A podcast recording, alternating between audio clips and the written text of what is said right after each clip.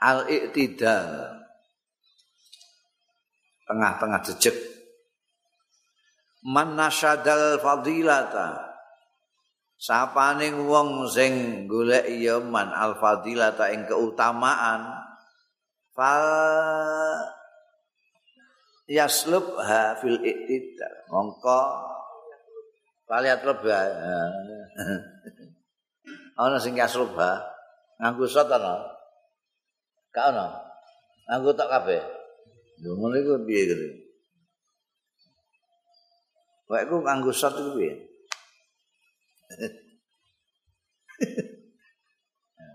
Greget na wong tenan. Aku mau terus bingung nih aslep itu rak jabel. Ya terus ya. Oh, aku tak itu ya. Ya sebenarnya orang tak awai apa. Tapi siapa sih? Fal yatlub ha mongko supaya lho. Nek tok iku gak ana renggete. Nek sot iku ana renggete. Iso tok kliru sot iku piye? Gemun aku. Man nasadal fadila. Iki mesti ditulis ulang. Nek ditulis ulang salah salah nek ora ditulis ulang langsung copy paste blobber blobber itu bahaya nek kowe kepengin sapa ae wong sing kepengin keutamaan fal yatlubha mongko supaya goleki ya manha ing fadilah fil i'tidal ing dalam tengah-tengah. Sedang-sedang jangan berlebih-lebihan jangan terlalu ke sini jangan terlalu ke sini ini tengah-tengah.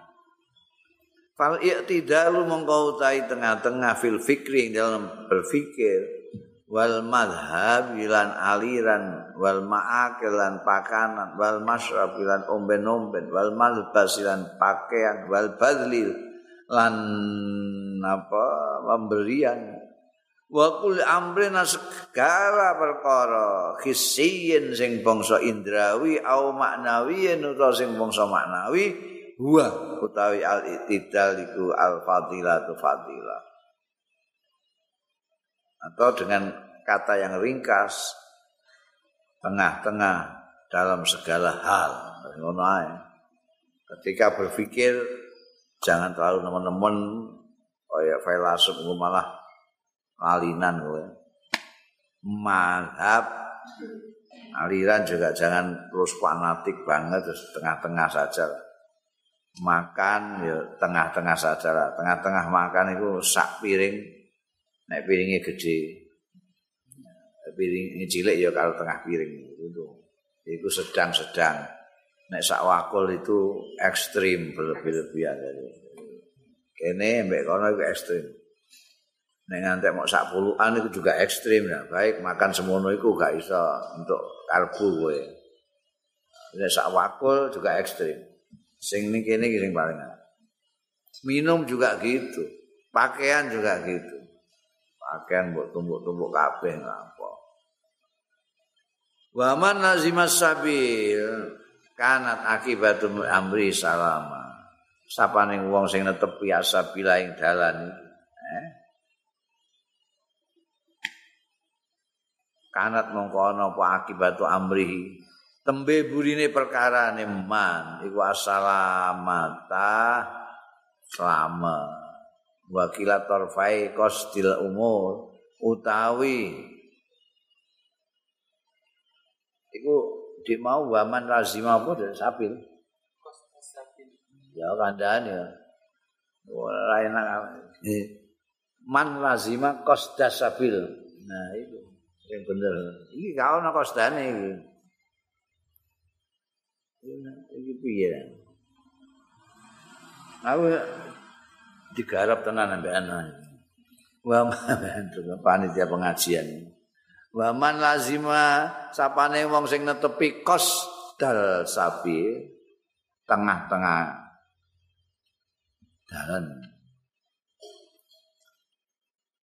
Sapil iku jalan dalam pengertian maknawi ya aja dalam pengertian kisi nek purnasi iku tarik atau sare mergo nek kowe kosdu tarik kosdu kowe nek mlaku ning tengah dalan malah ora salamah kowe tabrak mobil.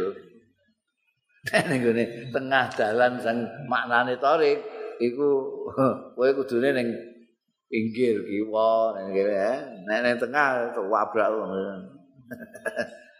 iki maksude iki sabil kaya rangka dalam rangka apa? Sabil biar bisa maknani rangka. Fi sabili izazil ummah di dalam rangka meningkatkan derajatnya umat. Fi sabili tolabi rezeki yang dalam dalan golek rezeki bangsane ngono kuwi. Fi sabili tolabil ilmi dalam rangka dalam jalan mencari ilmu sak piturute iku sing dimaksud sabil niku. Kostus sabil. Nek kowe netepi ngono mongko akibate perkara man iku assalamat assalamat. Wakila tarfai kostil umur utawi dua ujung lorone tengah-tengahe perkara iku zamimun cinelo sing apik ning tengah iki. Kene iki. Iki kostus sabil. Kene tarf kene tarf tarfa iki kene mek kene iku zamim kabeh. Asajaatu utai keberanian iku fadilatun. Kenapa? Li annaha karena setune saja iku wustun iku tengah-tengah baina naki dotai naki sotai tahawuri wal jubni antarane sifat kurang loro yaiku tahawur ngawur nekat wal jubnilan jereh. Iki sekandakno jereh iku ora maju ora apa. Sing iki maju tapi ora dipikir dhisik. Wong mriyem dilawan mek pencak silat niku. Iki tahawul tahawul kene juben. Kene iki sing tengah saja mulane mau dikandakno nek kowe kepengin golek keutamaan goleki ning gone kosdus sabil ning kono kabeh Adzaka cerdas. Cerdas inzada lamun punjul ya zaka iku. Adan nekake ya zaka ilal kholal fil a'mal. Iku malah nekake ilal kholali marang cacat fil amali yang dalam beberapa ngamal. Wa hamala ala umurin lan iso nggawa ala umurin ing iya daka ala umur ning atase pira-pira perkara lataliku kang ora sesuai ya umur bil akili kelawan wong sing duweni akal. Eh? Eh piro akile eh iya. Yo tak silesek wong ngene gak ono. Iki piye kok ora sak alenia. Kok keliru kok sak alenia ya gak kurang ya. Eh? Eh? Eden, aku pakai kitab sing ngene iki piye maksudnya? Gak golek nang kitab sing kaya wong-wong iki. Lah iki kurang sak alenia ya. Nah. Al-i'tidal wa tawassut fi kulli syai'in. Iku Iki aline penting e, nerangno iktidal iku apa? Kok ilang. Iki disurati iki den apa? Kok iki? Kok dikai tulisane? Gawe Jakarta berarti. Sing jeneng iktidal, wa ya iktidal iku atawasut tengah-tengah fi kulli syai'in ing dalem saben-saben perkara. Terus as-saja'atu fadilatun. Ya, nah. Mbak masih di rumah itu agak sana. Ya. Eh? As-saja'atu pada saya sing sing sing ana ning nggonku as-saja'atu utawi keberanian iku fadilatun li anna ustun tengah-tengah baina nakisatai tahawul wal jubn. Wal judu tawi jud loman iku fadilatun. Li annahu krana sujud loma iku kosdun. Tengah-tengah baina radilatainil israf wal bukhli. Kene berweh kene bakhil tengah-tengahe loman. Alam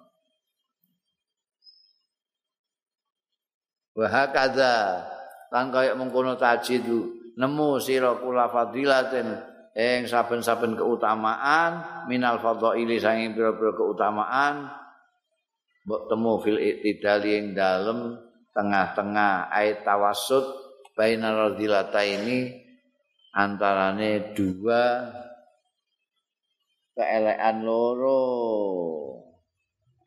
Adzakau. Saiki lagi anak iki. Adzakau tawi kecerdasan inzada namun punjul zakaiku dari ukuran yang lumrah. Iku adan marakake nekaake ya zaka ilal kholali maring cacat fil amali ing dalem amal-amal wa khamalan gowo ya zakat yang berlebihan mau ala umur ing ngatasé pira-pira perkara la taliku kang ora sesuai ya umur bil akil lan wong sing duweni akal. Wa inna qasa lamun kurang kana yang kusu mongko ana apa? Zakat. Wa inna qasa lamun wa inna qasa lamun kurang ya zakat kana. Mongko ana binaksi kelawan kurange zakat apa al balahu? Bodho wal gobawuran bento. Nek kurang dadi bento goblok. Nek kaken iki terus ya kecerdasan niku terus apa jenenge? Perkara-perkara sing normal-normal itu malah kadang-kadang tidak terlintas pada mereka orang yang kecerdasan itu. Ini pikir sing gede-gede, dhuwur-dhuwur, sing angel-angel itu, eh, sing gampang-gampang malah ora terpikirkan oleh mereka. Kaya iku guyonane wong-wong profesor itu saking anu cerdase mikirno hal-hal yang rumit-rumit ngantek goleki kacamatane ora iso. Ono ini takok kacamata kacamatane ning kene. Wa takwa utai takwa.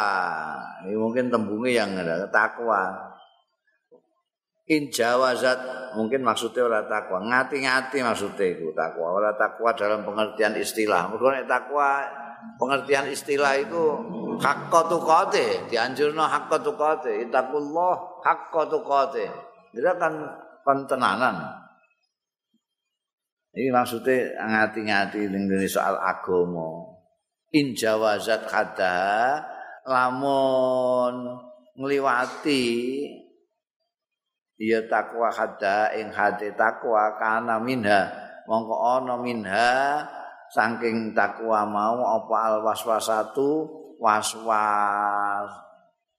Iki jane jene ora tak saking ati-ati ini ngantek ngepas-ngepasno iki engko niate wis pas ora ya Allah akbar. Ya wis pas ya kita kok durung. Allahu Akbar. Allahu Akbar. Terus saya eh nanti imam wis bar ini saya Allahu Akbar terus saya was was gara-gara kan kenemenen untuk ngati-ngati. Wudu yang ngono. Ini tungkakku wis kesiram apa orang ya? Gak kesiram kan gak sah iki ya. Allah siram. Duh, sing kiwa mau tak jeding entek ban. Iku gara-gara kenemenan. Alat itu adi kang nekake ya lati fi aksar ya auqat ing dalem akeh-akeh wektu ila talkil ibadah, malah tinggal ibadah. Suwe-suwe terus ah. Jong wudu ama sembahyang ngantek wektune ilang. Wektu maghrib kan cendak banget wudune sak jam bayange sak gak nyandak terus kadang-kadang ngono iku malah ninggalake ibadah wal ukuf wal ukufulan madhep ala amalil fusak ing atase ngamal-ngamale wong-wong fasik-fasik al asina sing padha duraka. Mergo iki kakuati ini iso ngepas-ngepas non iki ngagum. Lidzalika krana ara iki nahat nglarang apa asyara'i syariat-syariat as-samawiyah sing bangsa langit, ora mau Islam tok. Ora kena anil huluwi saking berlebih-lebihan fitine dalam agama. Ya, gak oleh. Berlebih-lebihan dalam agama. Wa amarat lan perintah ya syarae bitibail qasti lan ngetetake tengah-tengah fihi ing dalem din. Aja hulu hulu ndak boleh. Waqat warada fil hadis. Dalile iki dalile. Waqat warada teman-teman tumeka fil hadis ing dalam hadis. Apa dawuh? Innal mumbattala ardon qata wala zahran abqa innal mumbatta setuhune wong sing megot. La ardon iku ora ana ing bumi kata aisa megot ya mumbat. Wala zahran lan ora gigir apa. Netepake iya mumbat. Maksudnya mumbat itu wong sing megot itu rombongan rombongan jalan ana siji sing megot rumangsa kurang banter. Iku ngono tekan kono jam pira kok dijak ngebut ora gelem. Dhe ngebut dhewe ngebut pangking buantere panas mesine ambrol terpaksa dandani ning kono. Rombongane liwat kok ayo. Iki kan rusak ya mesine iki panasen. Jadi karepe iku dhek ninggal supaya dhek teko dhisik, dhek malah la ardon kotok. Malah tidak ada jarak di bumi yang bisa ditempuh dia. Karena terus mandek mau rusak. Wala dhahran apa? Ora sepeda motor ora iso dandani. Apa itu saya iso dinggo? La la dhahran apa? Nek mbiyen durung sepeda motor ya jaran apa wonten dikebut gegere jaran ambrol. Ini ambrol. Wis tumpakane ora anu jarak yang seharusnya ditempuh ora tertempuh. La ardon kota wala zahran abqa kayak ditumpaki nah iki. Oh. tugel ini dari gegere siaran. Ini untuk apa? Mengatakan bahwa orang beragama itu jangan berbeda tidak akan kamu terus Engko terus tekan swarga dhisik dhewe no. Iso iso iso malah kowe gak tekan swarga ngono lho. Mergo keliru. Lebih-lebihan enggak benar.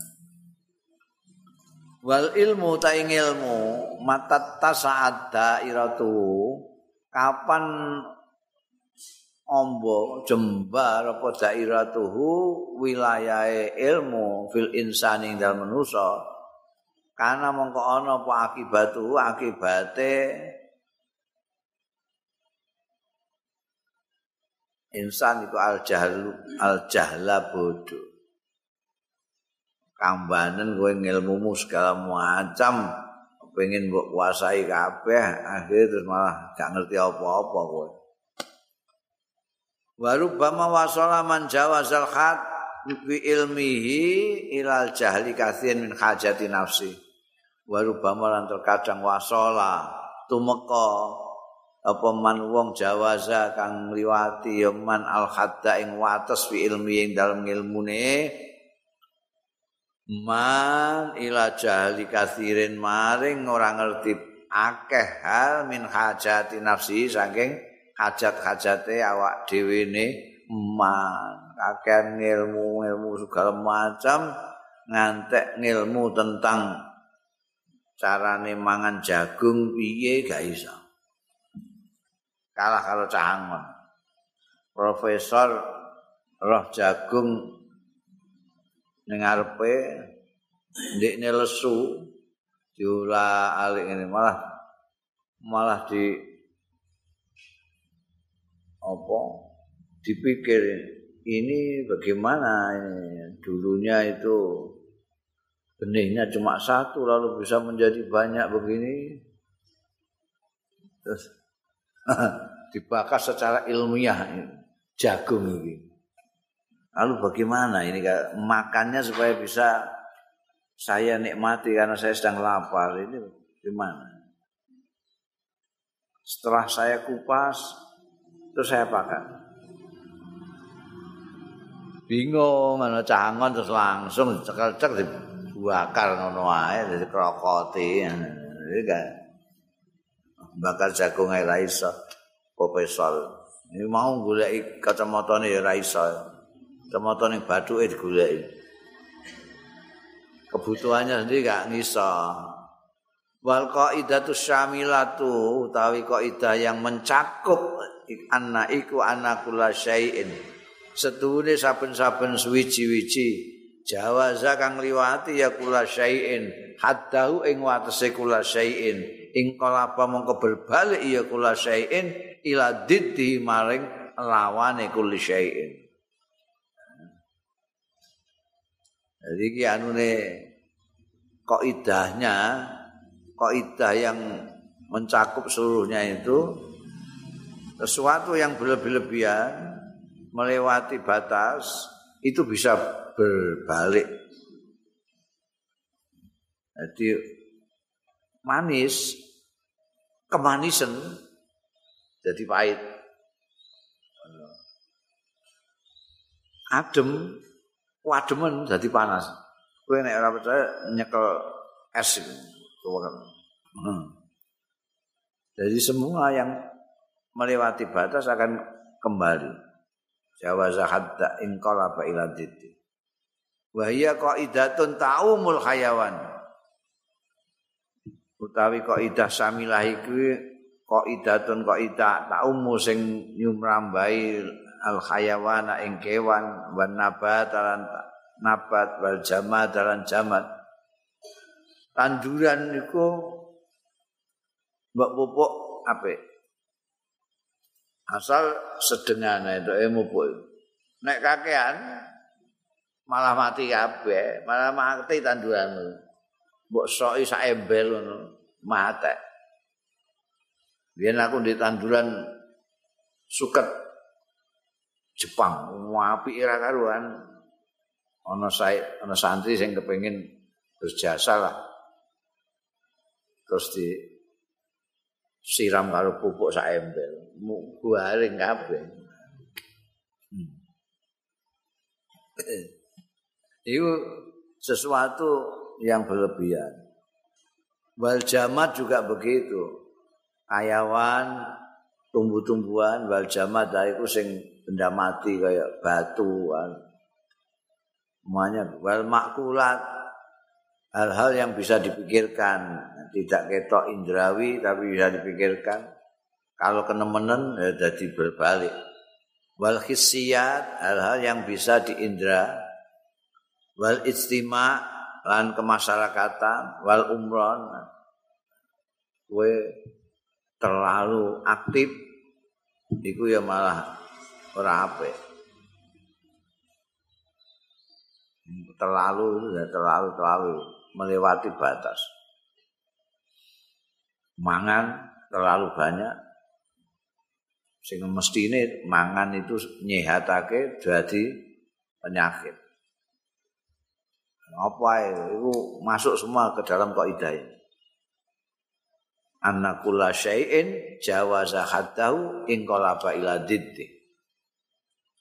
Fal akilu mongko utahe wong sing berakal iku man wong al zaman nafsu sing netepake ya man nafsu ing awak dhewe ne man atawasuta ing tengah-tengah fil umuri ing dalam pira-pira perkara.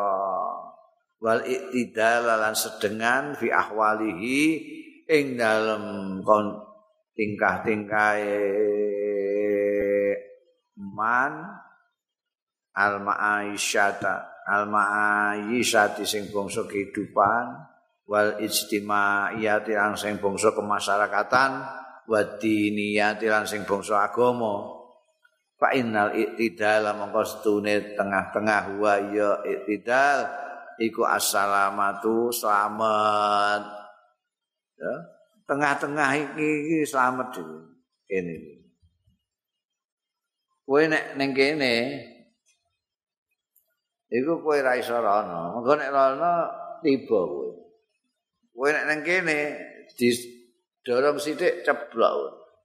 Tapi kowe nek nang kene didorong rene ora tiba. Dorong rene ra tiba. Kowe nek dadi pemimpin ya manggon ning kene. Mergo kowe nek manggon ning kene anak buahmu rakyatmu sing ning kene merasa kamu jauh jauh sekali pemimpinku. Nek kowe ning kene rakyatmu sing ning kene merasa kamu jauh. Tapi nek kowe ning kene rakyatmu sing ning kene maupun yang di sini merasa dekat dengan kamu. Itu jadi al-i'tidal itu penting. Kali terus dalam segala hal. Eh, eh. Pak inal i'tidal wassalama wa ma dharral ummata lan ora melarati al ummata ing umat apa illa talkul iktidal kejaba tinggal iktidal. Seneng sedengan gedeng sedengan. Oh, semuanya tengah-tengah itu paling selamat. Paling selamat. Seneng dunia sedengan wae aja eh? seneng politik sedengan. Ora wali zaman bener seneng karo tokoh sedengan. Dukung partai sedengan ae. Dukung calon sedengan ae. Gua pemenang yang soal politik.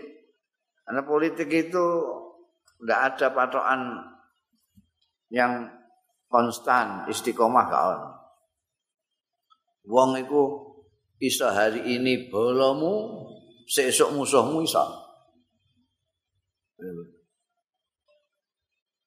Contohnya saat apa jenenge? Jokowi ambekan apa jenenge? Jakarta itu Cina itu Ahok itu sing nyalono dadi gubernur DKI Prabowo Prabowo Prabowo Gerindra. Wah, tidak ada orang seperti Jokowi, tidak ada orang seperti Ahok. Akhirnya sedelok. Oh, tidak ada yang lebih bejat dari ini ngono. Iyo, nggak kue nek kue melok kebamteran, ya melok bingung, melok bintu kue. Duh, nek kono biasa wong kono politisi kok. Politisi tidak ada, kok ida kok. Wong konsisten istiqomah ya. Sing ngomong sapa? kepentingan, kepentingan itu bisa. Kan kalau kita kan enggak.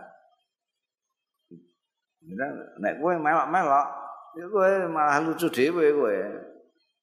Sing lucu tambah kowe nek kowe melok-melok. Mergo apa? Wong kowe enggak kepentingan enggak apa. Kowe untuk apa jajal? Eh, untuk apa? Apa meneh kowe ora wong Jakarta terus ngurusi Ahok ngono iku terus lah apa kowe? urusan apa? Akidah ya ora. Apa? Apa jajal? Kepentinganmu apa? Dikai duit ya ora. Umpama sing menang kene ya kowe gak entuk apa-apa. Sing kene sing menang ya kowe gak entuk apa.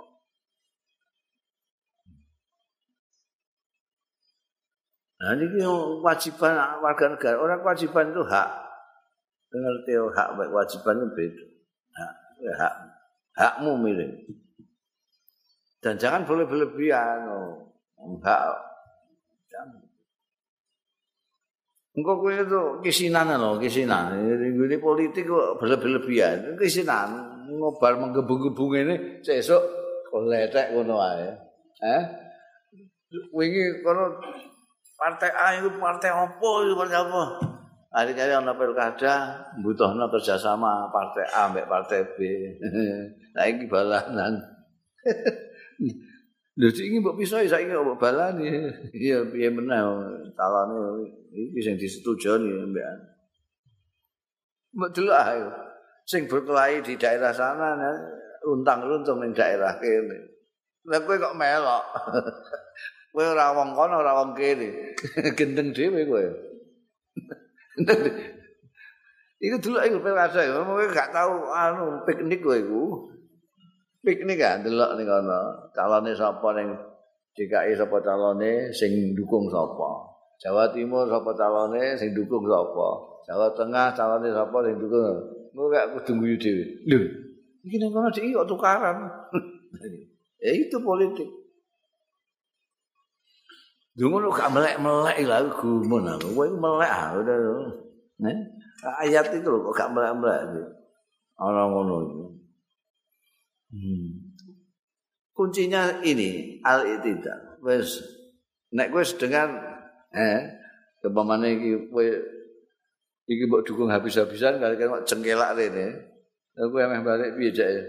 Aku ning kene ya, sepen aku ning kene. Rene lucu, bar kok kene mencolot rene iki. Nek, nek mereka ya ben ae politisi ya.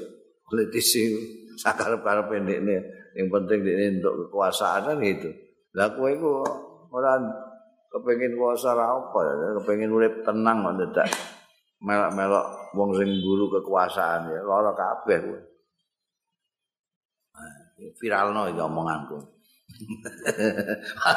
Wene eh aku gumun aku gak mikir blas. Nek mereka mikir, mereka sing mbok tutno yo mikir. Tapi mikirnya ya itu bagaimana mencapai sesuatu. Dan sesuatu itu sesuatu yang yang pragmatis. Sekarang ini, sekarang ini saya harus menduduki ini. Seesok kita bakas lagi. Sekarang ini saya butuh berkawan dengan kamu, kan?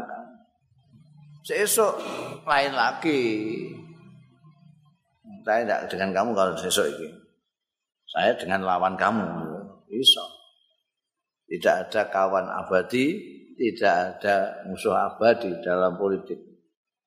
Ini udah ngerti gue. Nah, nek gue yang terus kadung tukaran dek kancamu ya. Terus mah wawah itu ngenteni bodoh kesuwen ini. Eh? Ya usah tukaran, ben usah jutaan, ben usah wawah-wawahan.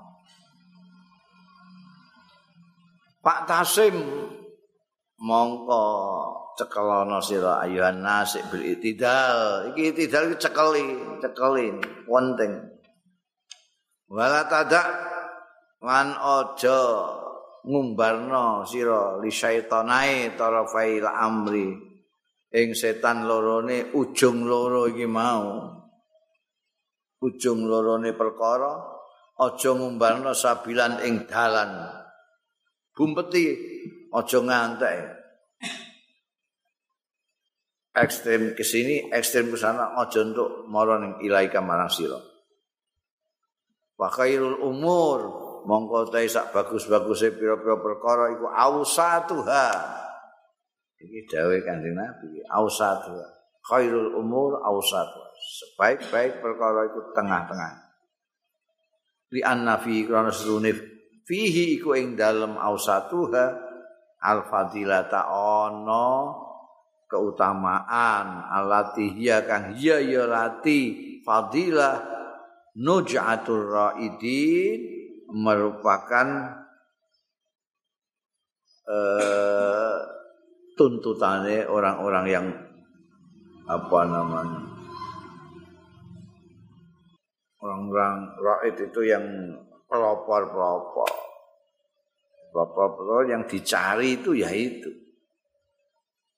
Fadilah itu. Yang dicari oleh Ra'idin itu fadilah. Nah fadilah itu di tengah-tengah. Ausatuha.